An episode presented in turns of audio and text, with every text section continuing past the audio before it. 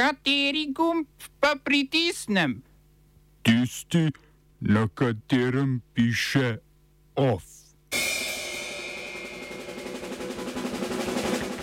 Stavka norveških naftnih delavcev in nizozemskih kmetov.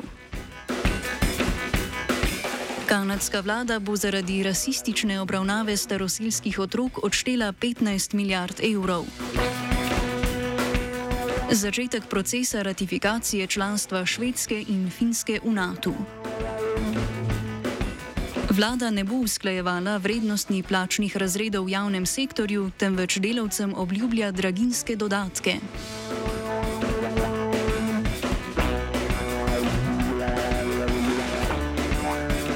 Vrh vojaškega zavezništva NATO je pričel proces ratifikacije za članstvo Finske in Švedske. Za dokončno pridružitev Švedske in Finske zvezi mora biti njun vstop ratificiran v parlamentih vseh 30 sedanjih članic zavezništva, kar naj bi trajalo predvidoma od 6 do 8 mesecev.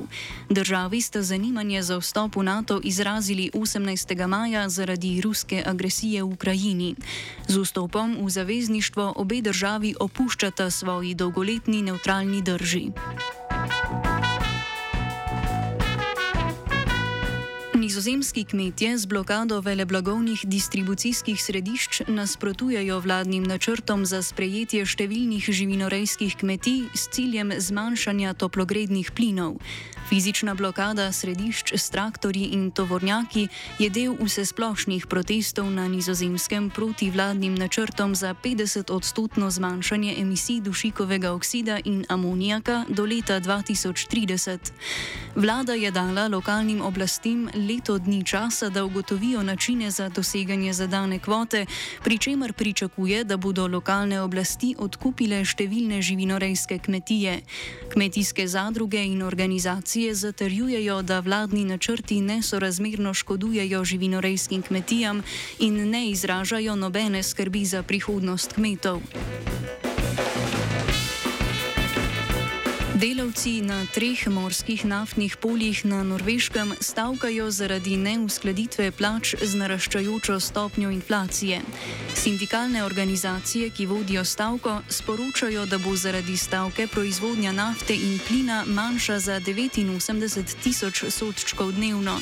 Do srede naj bi celotna proizvodna izguba znašala 292 tisoč sodčkov dnevno oziroma 13 odstotkov vse proizvodnje. Če se norveška vlada ne odzove na zahteve sindikalnih skupin, te napovedujejo zaostreno stavko do sobote, kar bi pomenilo še večjo izgubo.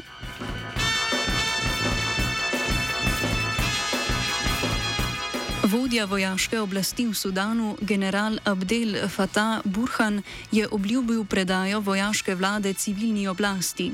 To je storil, da bi pomiril množične proteste po državi, ki zahtevajo njegov odstop, vendar ni povedal ne kdaj ne kako naj bi oblast predal civilnemu vodstvu. Burhan je državni udar izvedel oktober 2021, ko je zaprisegel k vzpostavitvi razmer za varen prehod v civilno oblast ter obljubil transparentne volitve julija 2023. Kmalu po državnem udaru je Burhan zapustil, su, razpustil suvereni svet, v katerem sta skupaj vladali civilna in vojaška oblast. Že od začetka vojaške oblasti po vsej državi potekajo protivladni protesti, na katere se je vojaška oblast odzvala z nasiljem.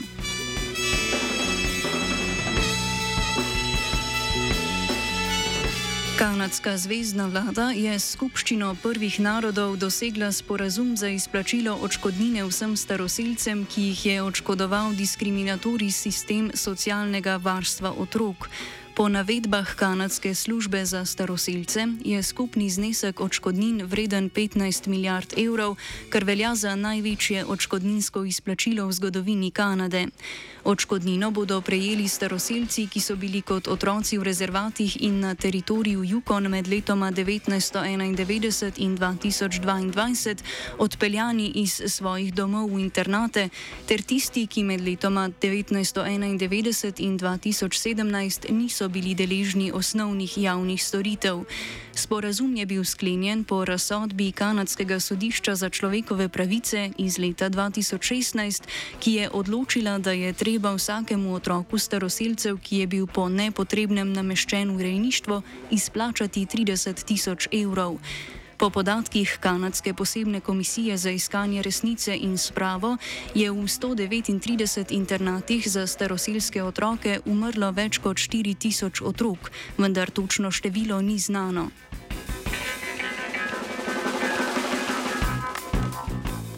Čilska ustanovna skupščina je novo izvoljenemu predsedniku države Gabrielu Boriču izročila osnutek nove ustave. Državljani bodo na referendumu o spremembi ustave glasovali 4. septembra.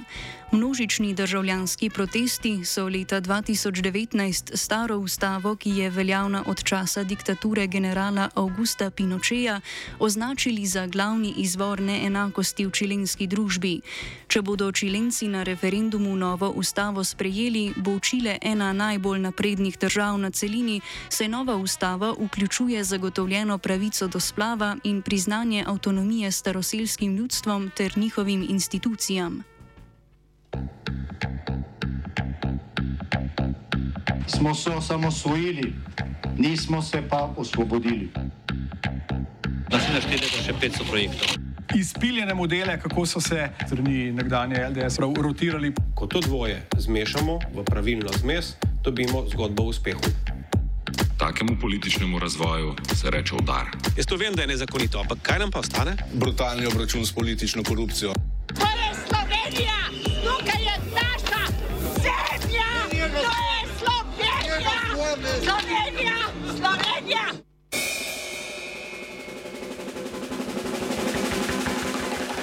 Stranka Socialni demokrati je na sestanku predsedstva stranke sklenila udeležbo na predsedniških volitvah z lastnim kandidatom.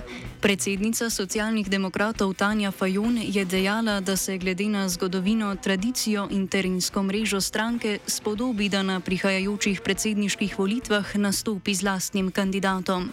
A ta za zdaj še ni znan. Postopke evidentiranja kandidatov bodo v stranki zaključili do sredine julija, skladno s prakso pa bo med evidentiranimi kandidati tudi vodstvo stranke.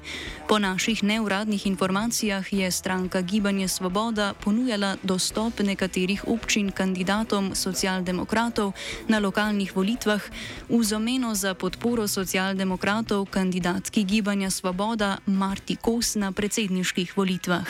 Kot kaže, so pri socialnih demokratih vseeno izbrali svojo pot.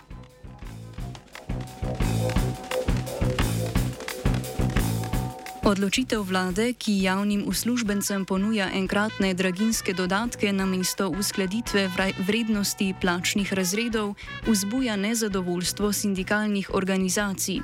Ponudba vključuje dodatnih 325 evrov regresa za javne uslužbence do 24. plačnega razreda, kar pomeni, da bi po novem regres za nje znašal 1400 evrov.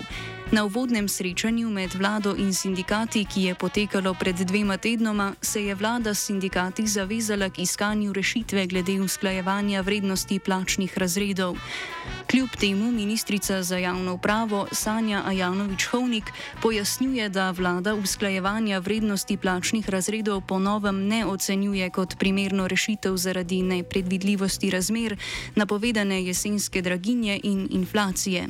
Izjavo ministrice podrobneje komentira podpredsednica Konfederacije sindikatov javnega sektorja Irena Ilešič-Čujovič. Mi smo tako izjavo, ki smo jo slišali tudi včeraj na pogajanjih, ogorčeni. Namreč vedno je jasno, da ko se pogajaš za usklajevanje plačnih razredov, še ne veš točno, kakšna bo inflacija. Um, služijo pač napovedi umarja o stopni, predvideni stopni inflacije in to je bilo vedno dovolj za usklajevanje plačnih razredov. Z umikom obljub vlade glede usklajevanja vrednosti plačnih razredov se ne strinjajo v sindikatu Pergam in konfederaciji sindikatov javnega sektorja, ki sta sodelovala pri pogajanjih. Predsednik sindikata Pergam Jakob Počivalšek ustraja, da se na krovni ravni sindikati pogajajo za uskladitev plačnih razredov in s tem za ohranjanje realne vrednosti plač, ne pa blaginske dodatke. Odziv sindikatov na nenaden odstop vlade od obljub usklajevanja vrednosti plačnih razredov opisuje Ilešič Čujovič. Mi, mi smo včeraj eh, vladni uh, pogajalski strani predlagali, naj spremenijo stališče do naslednjega kroga pogajanj, ki je predviden za naslednji ponedeljek, naj uh, spremenijo mandat, ki so ga dobili na, na vladi in naj uh, držijo obljubo in vse zadnje sklep, ki je bil soglasno sprejet tako na sindikalni kot na vladni strani, da se lotimo usklajevanja plačnih razredov.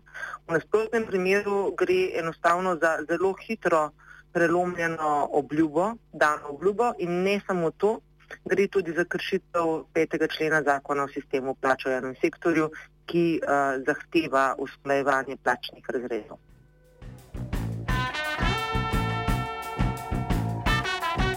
OF je pripravil vajenec Jan, mentoriral je Fin.